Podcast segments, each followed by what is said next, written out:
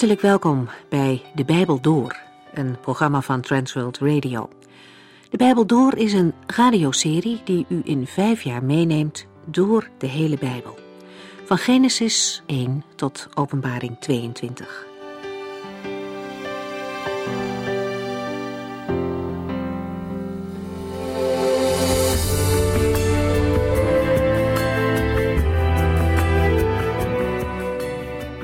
De vorige keer ging het over Handelingen 21. Paulus en zijn reisgezelschap zijn aan boord gegaan onderweg naar Jeruzalem. En tijdens deze lange reis ontmoeten zij in diverse plaatsen allerlei christenen, ook in Tyrus. De christenen die daar wonen hebben van de Heilige Geest begrepen dat Paulus in Jeruzalem gevaar loopt. Gevangenschap en lijden zullen hem daar niet bespaard blijven. En dus adviseren ze hem dringend om niet verder te gaan naar de stad. Het lijkt zo voor de hand liggend om als het even kan moeilijke situaties te vermijden. Het is een hele menselijke gedachte. En toch hebben we eerder gezien dat het past in Gods plan om Paulus die moeilijke weg te laten gaan. Deze dienstknecht zelf is ook bereid om alles te doen voor het evangelie. En juist zijn gevangenschap brengt hem op plaatsen waar hij anders wellicht nooit het evangelie van Jezus had kunnen vertellen. Hij zal bij koningen en bij heersers komen en uiteindelijk ook in Rome. Paulus laat zich leiden door de Heilige Geest en ziet in alle omstandigheden waar hij terechtkomt nieuwe kansen voor het evangelie. Vanuit de gevangenis in Rome schrijft hij aan het eind van zijn leven dat alles wat er met hem gebeurd is, ertoe heeft bijgedragen dat het goede nieuws van Christus verder bekend is geworden in de wereld. En zijn lijden heeft anderen ook weer moed gegeven om zonder angst het woord van God uit te dragen. Vanuit Tyrus gaat de reis verder. Het is opvallend hoe vaak Paulus onderweg woorden en openbaringen van de Heilige Geest krijgt. Ook in Caesarea, waar het gezelschap van de gastvrijheid van Filippus geniet. Paulus laat zich niet afbrengen van de weg die God hem wijst, wat de mensen ook zeggen. En zo komt de apostel uiteindelijk aan in Jeruzalem. Daar gaan wij ook verder. In Handelingen 21 vanaf vers 26.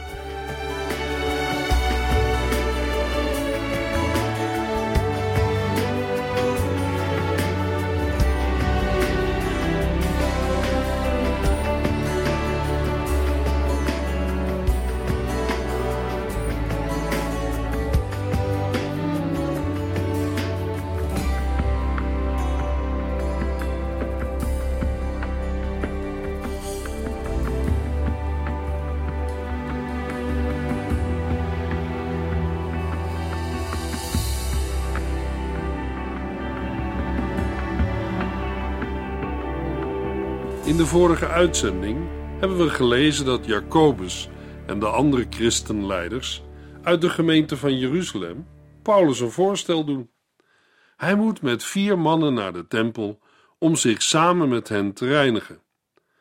Een daad waaruit iedereen zal concluderen dat Paulus wel degelijk de wet van Mozes in acht neemt en in ere houdt.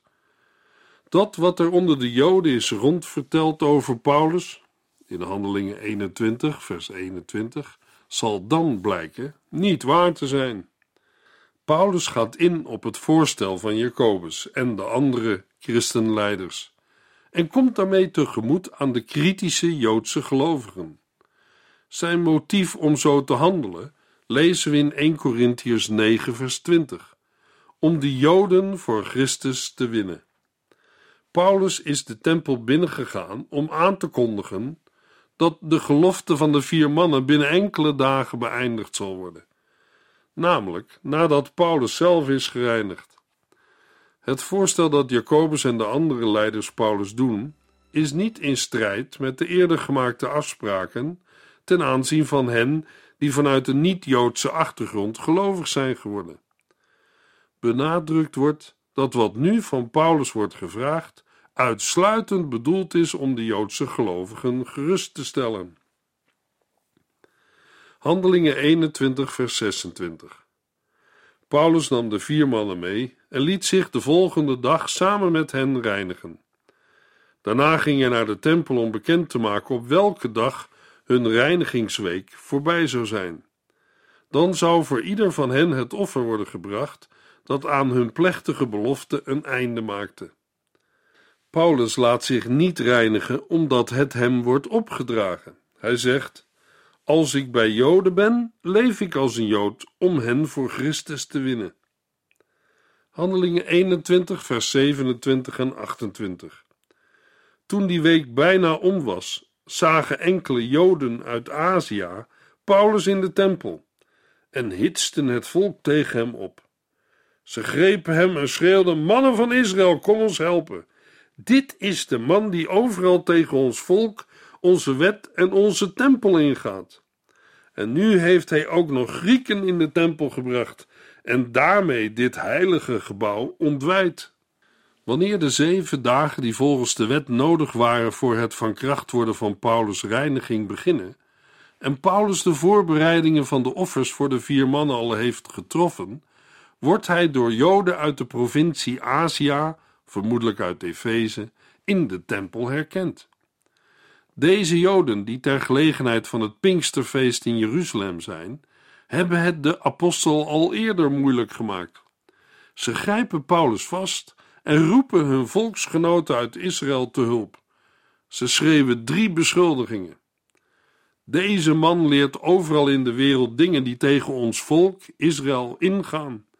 Hij vertelt dingen die in strijd zijn met de Joodse wet en hij spreekt tegen de tempel.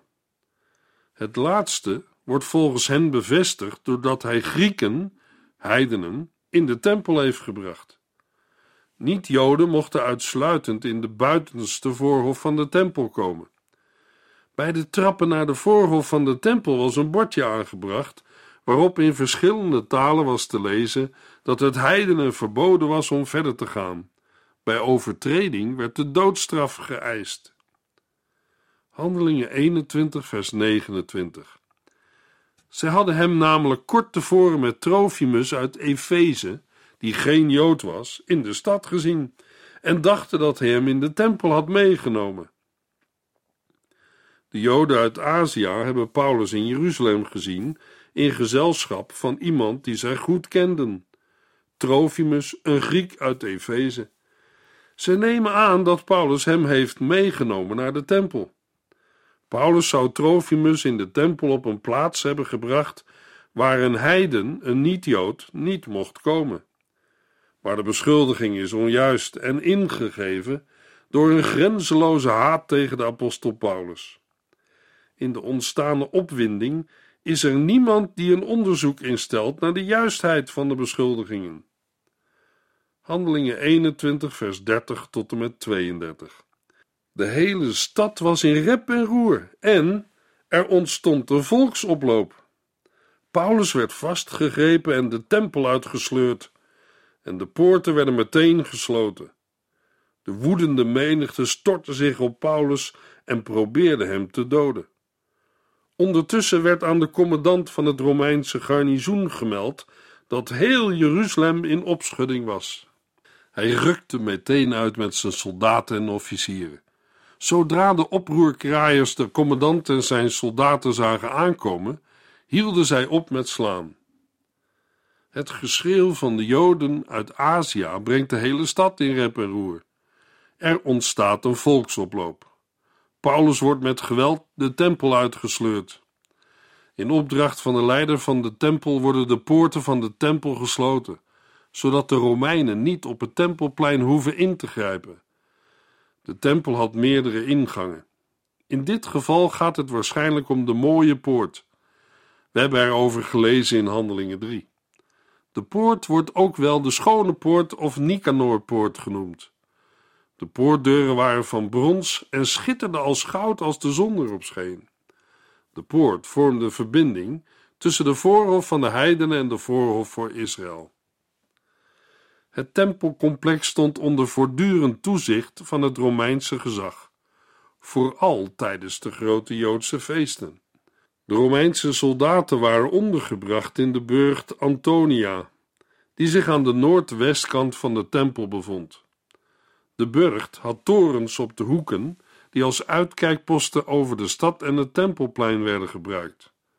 Vanaf deze burcht liep een trap naar het tempelcomplex.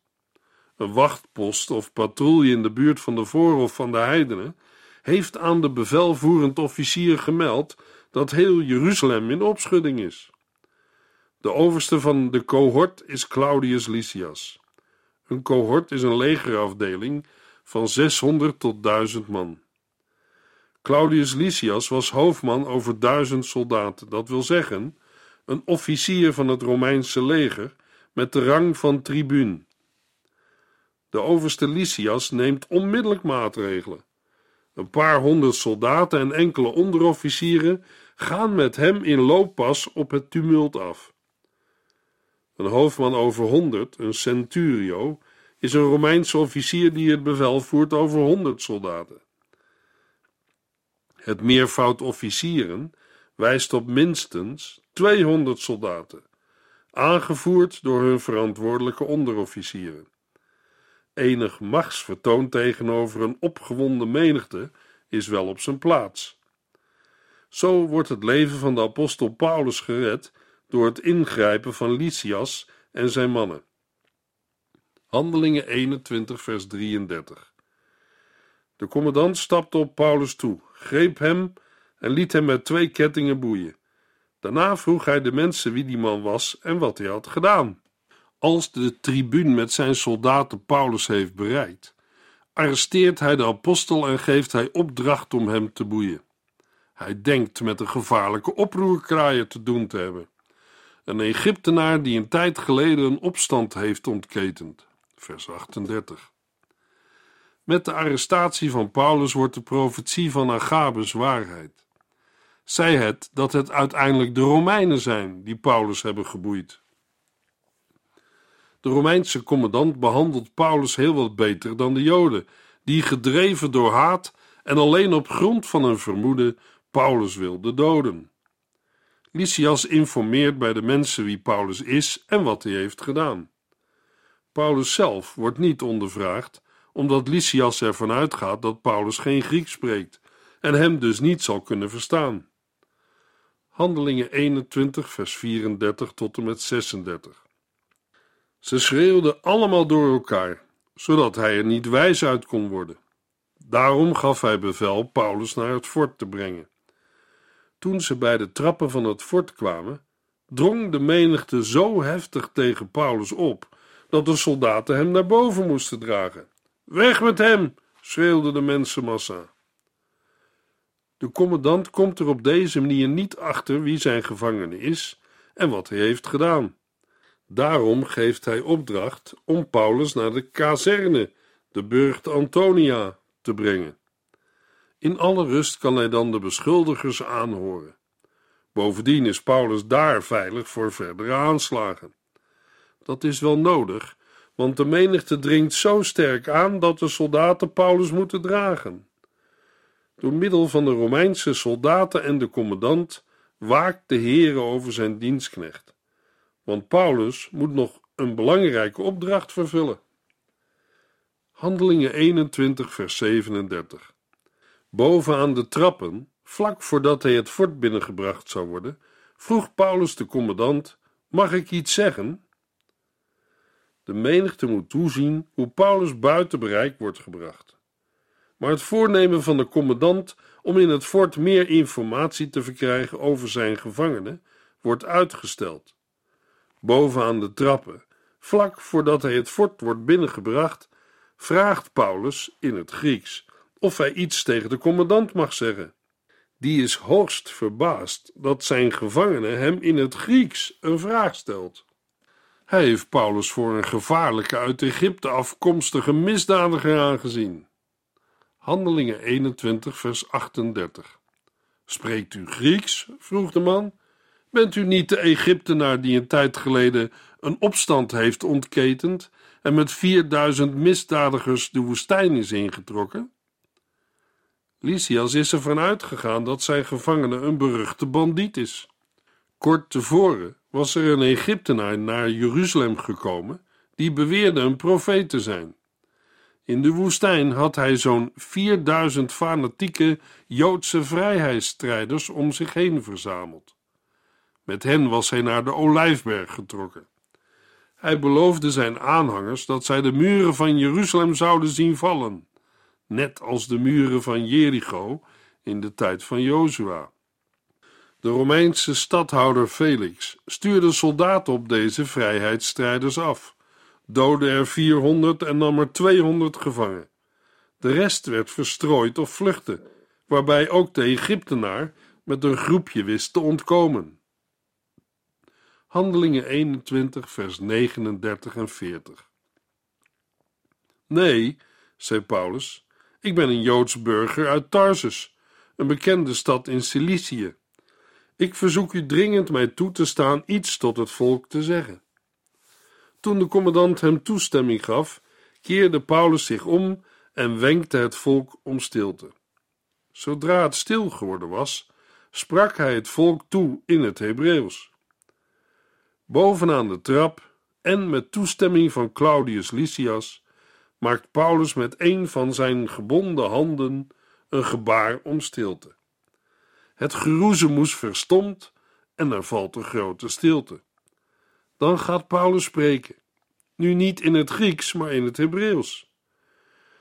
Lucas heeft met Hebreeuws het verwante Aramees bedoeld, de taal die in Israël werd gesproken. Juist door Hebreeuws te spreken laat de apostel het volk weten één van hen te zijn. Handelingen 22, vers 1. Broeders en vaders, zei hij, luister naar wat ik tot mijn verdediging te zeggen heb. Met de aanspraak broeders en vaders laat de apostel zien dat hij geen vijand van zijn volk is, zoals de Joden uit Azië beweerden. Paulus vraagt zijn volksgenoten te luisteren naar zijn weerwoord op de aanklacht. Paulus wil zichzelf niet vrijpleiten, maar voor alles getuigen van de grote daden van de Heer. Handelingen 22, vers 2 tot en met 9. Toen zij hoorden dat hij hen in het Hebreeuws toesprak, waren ze één en al aandacht. Ik ben een Jood, ging Paulus verder, geboren in Tarsus, in Cilicië. Maar ik ben hier in Jeruzalem grootgebracht. Ik heb gestudeerd bij de beroemde Gamaliel. Hij heeft mij de wet van onze voorouders tot in de kleinste bijzonderheden ingeprent. Ik stond voor God op de bres, even vurig als u vandaag. Ik heb de aanhangers van die nieuwe leer vervolgd en gedood. Zowel mannen als vrouwen heb ik geboeid naar de gevangenis gebracht. De hoge priester en de gehele hoge raad zijn mijn getuigen. Ze hebben mij zelfs brieven meegegeven voor de Joodse leiders in Damascus. Ik ben daarheen gereisd om christenen op te sporen en geboeid naar Jeruzalem te brengen, zodat zij gestraft konden worden. Toen ik op weg was naar Damascus en midden op de dag de stad naderde, werd ik plotseling omstraald door een felle lichtbundel die uit de hemel kwam. Ik viel op de grond en ik hoorde iemand tegen mij zeggen: Saul, Saul, waarom vervolgt u mij? Wie bent u, heren? vroeg ik. Ik ben de Jezus van Nazareth die u vervolgt, was het antwoord. De mannen die bij me waren, zagen wel het licht, maar verstonden de stem niet. Paulus begint zijn getuigenis met te vertellen over zijn jeugd. Hij is een Jood, wel buiten Israël, in Tarsus geboren, maar al op jeugdige leeftijd naar Jeruzalem gekomen. Paulus heeft een prima opleiding ontvangen. Hij is een leerling van de beroemde rabbi Gamaliel. Paulus is altijd een hartstochtelijke ijveraar voor God en zijn zaak geweest. Met grote nauwgezetheid heeft hij overeenkomstig de wet en haar bepalingen geleefd, zoals zijn toehoorders dat nog steeds doen. Hoe ijverig en fanatiek Paulus was, kwam tot uiting in het vervolgen van de gemeente van Christus. Geweld werd daarbij niet geschuwd. Terwijl Paulus de gelovigen vervolgde, heeft de Heer Jezus hem vanuit de hemel een halt toegeroepen. Paulus dacht de Heer een welgevallige dienst te bewijzen, maar kreeg te horen dat hij op een verschrikkelijk dwaalspoor zat. De Heer Jezus zelf zegt hem op ondubbelzinnige wijze dat hij in het vervolgen van de christenen Jezus zelf heeft vervolgd. Paulus' begeleiders hebben het felle licht ook gezien, want het omstraalde ook hen. Maar de stemmen van degene die sprak, hebben ze niet gehoord. Dat lijkt in tegenspraak met Handelingen 9, vers 7, waar staat dat zij de stem wel hoorden. Zij hoorden een geluid, maar zonder daarbij de woorden te verstaan. Handelingen 22, vers 10 tot en met 15. Wat moet ik doen, heren? vroeg ik. En de heren antwoordde: Sta op en ga de stad in. Daar zal u worden verteld wat er allemaal voor u geregeld is en wat u moet doen. Omdat ik door het felle licht blind geworden was, moesten mijn reisgenoten mij aan de hand Damascus binnenleiden. Daar kwam een zekere Ananias naar mij toe. Hij was een gelovig man die zich stipt hield aan de wet van Mozes en bij de Joden van Damascus in hoog aanzien stond. Sal, broeder, zei hij, terwijl hij bij me stond, kijk eens omhoog. Ik keek op en kon weer zien. Mijn ogen waren weer goed. Hij zei: De God van onze voorouders heeft u al van tevoren aangewezen om zijn wil te kennen om de rechtvaardige te zien en te horen spreken. Want u zult zijn getuige zijn en alle mensen vertellen wat u hebt gezien en gehoord. Paulus moet opstaan en verder reizen naar Damascus. In Damascus krijgt de apostel te horen wat er van hem wordt verwacht. De Heere heeft een duidelijk plan met het leven van Paulus hij zou in plaats van een vervolger een navolger en apostel van Jezus Christus worden. De vervolger van Christus komt hulpeloos als een kind en blind in Damascus aan. Daar gaat Paulus pas beseffen wat voor bedekking er tot dusver over zijn leven heeft gelegen. Uit zonde besef en berouw heeft hij die dagen niet meer gegeten of gedronken. Hoewel in dit gedeelte alle nadruk ligt op wat Paulus zelf is overkomen, introduceert hij in vers 12 Ananias als de man die destijds in Damascus een belangrijke rol in zijn leven heeft gespeeld. Ananias stond goed bekend bij de Joden in Damascus. Niemand had iets op hem aan te merken. Een onverdacht getuige waar de toehoorders van Paulus alle sympathie voor zouden kunnen opbrengen. Onder handoplegging van Ananias heeft de Heer hem het licht in de ogen weer teruggegeven. De God die zich aan de aartsvaders heeft geopenbaard, heeft zich nu ook aan Paulus bekendgemaakt en een taak op zijn schouders gelegd. Paulus was voorbestemd om getuige te zijn van Jezus. Net als de twaalf apostelen moest Paulus een getuige zijn van de opstanding van Jezus. Het zien van Christus en het horen van zijn stem waren daartoe noodzakelijk. Het getuigenis over Jezus moet overal bekend worden, niet alleen bij Joden, maar ook bij heidenen, zowel bij mannen als bij vrouwen. Handelingen 22, vers 16 tot en met 20. Nu, wat aarzelt u nog? Sta op en laat u dopen. Laat uw zonden afwassen en roep daarbij de Heer aan. Later ging ik naar Jeruzalem terug.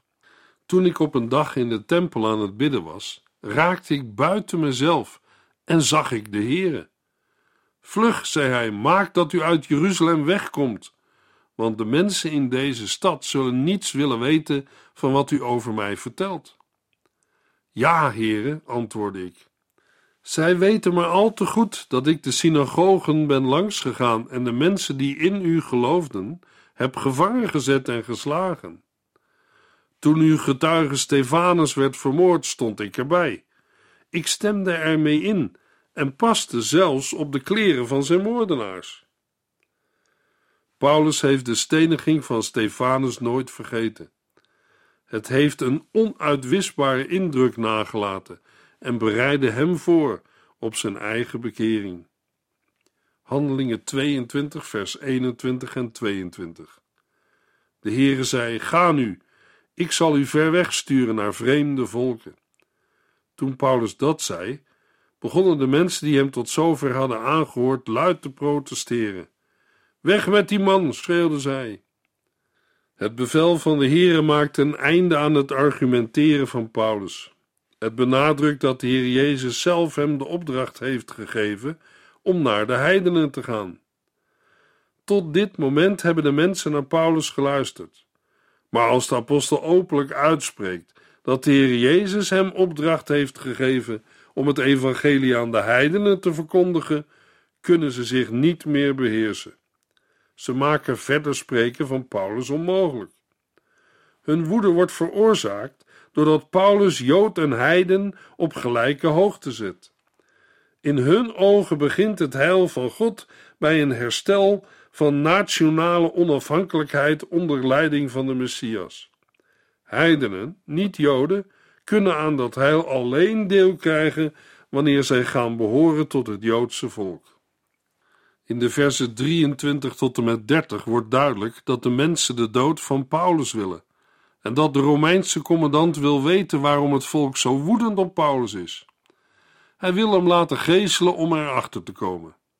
Paulus vraagt aan de dienstdoende onderofficier: Mag u zonder enige vorm van proces zomaar een Romein zweepslagen geven? Als de commandant dat hoort, wordt hij ongerust. Hij begreep dat hij een Romein had laten boeien. Handelingen 22, vers 30. Omdat de commandant precies wilde weten waarvan de Joden Paulus beschuldigden, riep hij de volgende dag de leidende priesters en de gehele Hoge Raad bijeen. Hij liet Paulus uit de gevangenis halen en leidde hem voor. Claudius Lysias heeft begrepen dat het gaat om een typisch Joodse kwestie. Om de juiste toedracht van het tumult te weten te komen, maakt hij gebruik van zijn recht om als bevelvoerend officier in Jeruzalem de leidende priesters en de hele Hoge Raad bijeen te roepen. Ongeboeid wordt Paulus een dag later vanuit de burcht Antonia naar de raadsbijeenkomst gebracht.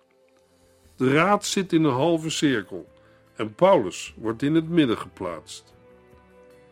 In de volgende uitzending lezen hoe de zaak verder verloopt in Handelingen 23.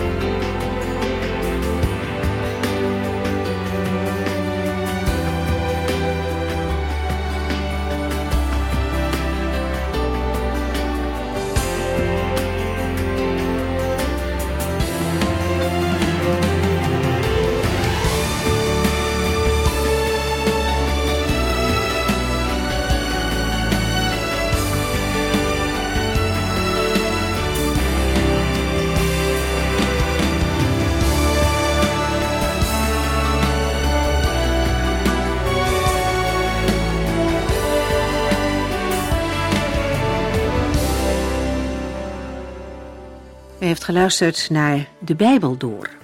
In het Nederlands vertaald en bewerkt door Transworld Radio. Een programma waarin we in vijf jaar tijd de hele Bijbel doorgaan. Als u wilt reageren op deze uitzending of u heeft vragen, dan kunt u contact met ons opnemen. Tijdens kantooruren kunt u bellen op 0342 47 8432. 0342 47 8432. 32. Ook kunt u een e-mail sturen naar de Bijbel door transworldradio.nl en natuurlijk kunt u ook via de post ons bereiken. TWR, postbus 371, postcode 3770, AJ in Barneveld. Dit programma werd gepresenteerd door Cor Weda en Ike André. Techniek was in handen van Odin van Woerdekom. En wij allemaal bedanken u voor het luisteren. Graag tot de volgende keer.